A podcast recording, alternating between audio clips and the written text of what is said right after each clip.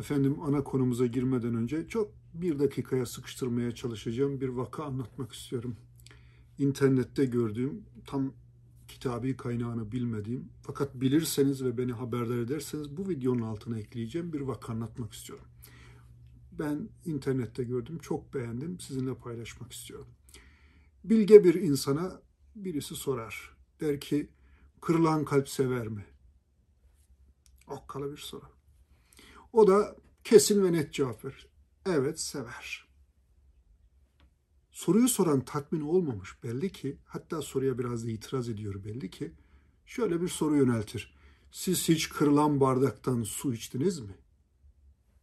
Herhalde buz gibi bir sessizlik olmuştur bu soru üzerine. Acaba ne diyecek o bilge insan? O bilge insan bilge bir cevap verir. Peki sen hiç bardak kırıldı diye su içmekten vazgeçen bir insan gördün mü? Yorumunu size bırakıyorum. Ana konumuza girmeden bazen böyle size kısa bir şey anlatmak istiyorum. Ana konumuz ne? E, ülkede yeni bir, e, yeni dini değil aslında ama artan bir şekilde, yeni artan bir şekilde bir adam dövme, adam dövdürme, hakaretle sindirme, döverek yıldırma, insanları ürkütme, korkutma, meydan okuma, insanları canlarından bezdirme, fikirlerini söyleyemez hale getirme operasyonları devam ediyor. Milletvekili dövenler, dövüp bunun keyfini çıkaranlar, bir de üstelik üstüne şiddeti özendirici beyanlarda bulunanlar, tweet atanlar, koca koca adamlar bile bunlar hani böyle trollerden bahsetmiyorum. Adına adının altında yazan şeye baksanız kalıbından utan dersiniz. Böyle bir sokak ağzı, bir insanları aşağılama jargonu, bir, bir şey oluştu Türkiye'de. Yakın dönemde bir milletvekilini evinin önünde öldüresiye dövmeye kalktılar. Ondan önce dövülenler, dövülenler oldu. Gazetecileri dövdüler. Ama bu yeni değil.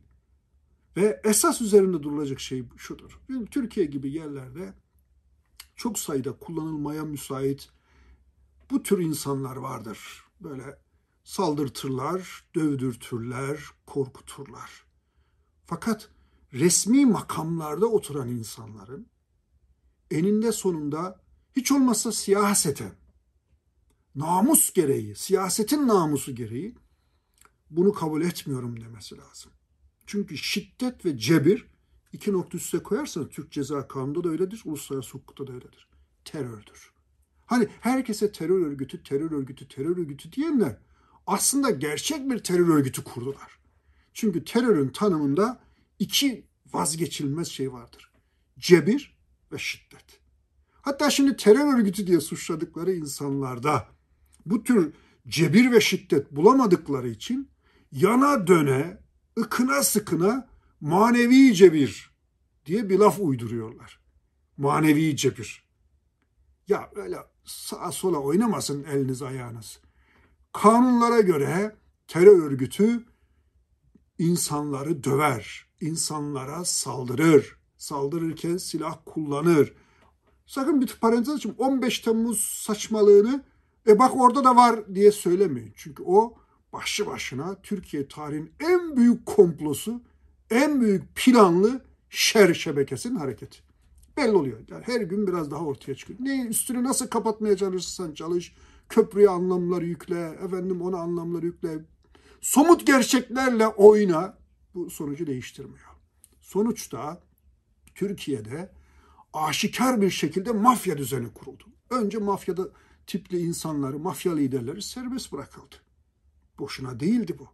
Onca masum öğretmeniyle, işçisiyle, ev hanımıyla, iş adamıyla, profesörüyle, doçentiyle, doktoruyla yani on binlerce masum insan hapishanede yatarken onların içerisinden cımbızla çeker gibi mafya liderlerini, mafya operasyonel adamlarını kurtarıyorsanız bir, bir amacınız var.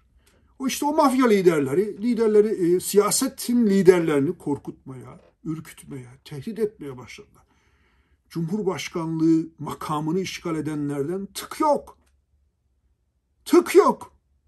Türkiye'ye yolsuzlukla mücadele edeceğiz diye gelenler, yoksullukla mücadele edeceğiz diye gelenler, yasaklarla mücadele edeceğiz diye gelenler maalesef bu dövmelere, sövmelere gık diyemiyor.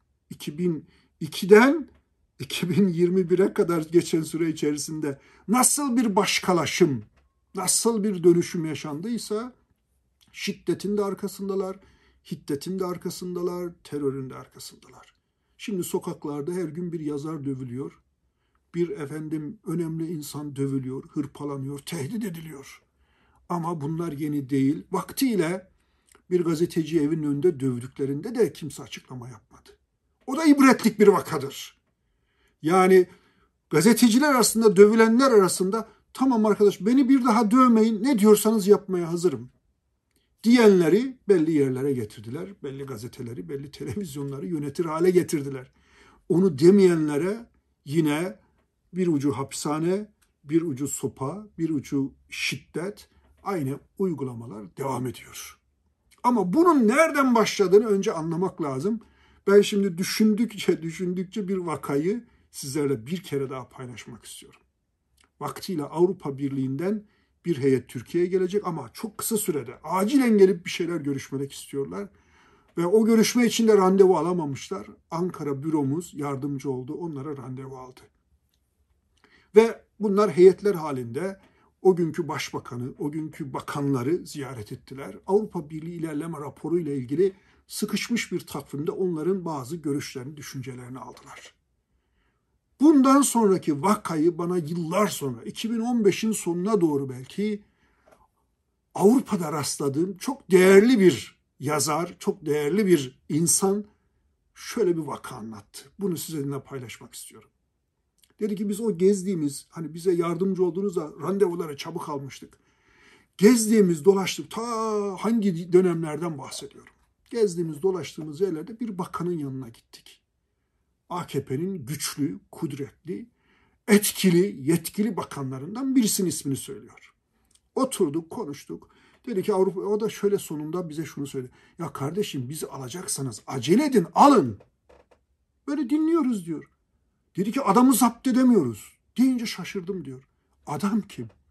Ya bu Erdoğan'ı zapt edemiyoruz. Adam güç sarhoşluğu değil. Güç cinnetine yakalandı. Ne oldu? Hayırdır dedik diyor. Çünkü ortada öyle bir emare yok. Ortada öyle bir görüntü yok.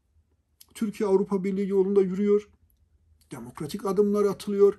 Ben de bu vakayı bakın ta 2015'te duyuyorum. Ondan önce duysaydım herhalde şöyle tepki verirdim büyük ihtimal. Ya bu siyasette insanlar birbirleri aleyhinde böyle şeyler uydururlar. Tahkik etmek lazım. Doğru mudur? Ama şu vakaya bakın. Tahkik etmek lazım diyebileceğimi söylediğim sizin de bazılarının e o zaman uyansaydınız diye. Hayır her gün günün hakkıyla yaşanıyor. Hayat böyledir. 10 yıl sonradan geriye dönüp başka şeyleri başka şekilde yorumlamak doğru değil. Diyor ki bize dedi ki kardeşim bu Erdoğan bizim bildiğimiz Erdoğan olmaktan çıkıyor. Adam başkalaşım yaşıyor. Adam bir dönüşüm yaşıyor. Bir değişim değil bu. Bu, bir dönüşüm. Bak demiş geçenlerde rastladığımız olayı söyleyeyim. Arabasıyla gidiyor sokakta makam aracından gördüğü bir adamı beğenmiyor. Tipini mi beğenmiyor? Efendim huyunu mu beğenmiyor? Duruşunu mu beğenmiyor? Camı açıyor. Camdan şöyle elini kaldırıyor. Göstereyim. Şöyle yapıyor. Sanki zannedersin Roma'da arenada gladyatörler savaşında bir imparator bir şey yapıyor.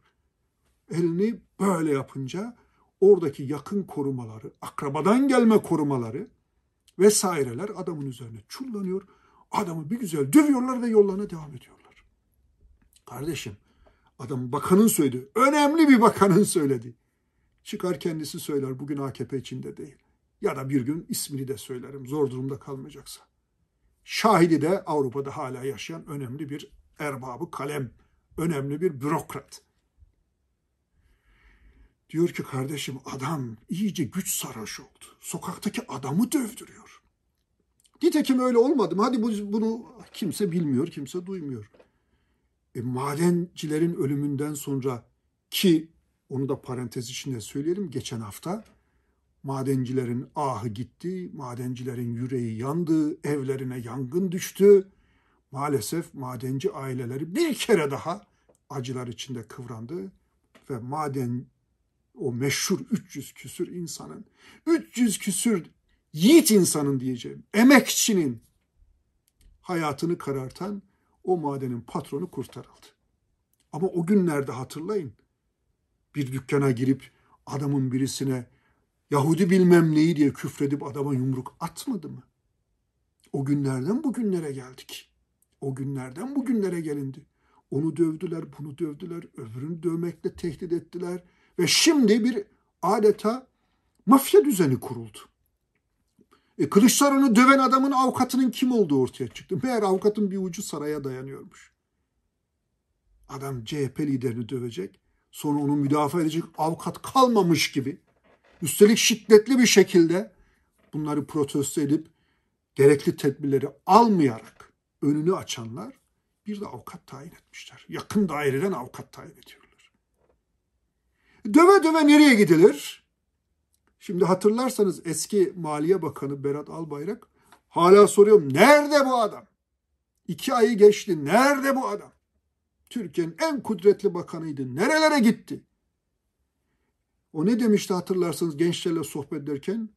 Efendim ben falanları görüyorum. Siz nasıl görüp de dayanabiliyorsunuz? Nasıl gidip de dövmüyor? Ben olsam döverdim. Döverdim, döverdim diyeni de bir gün dövdüler.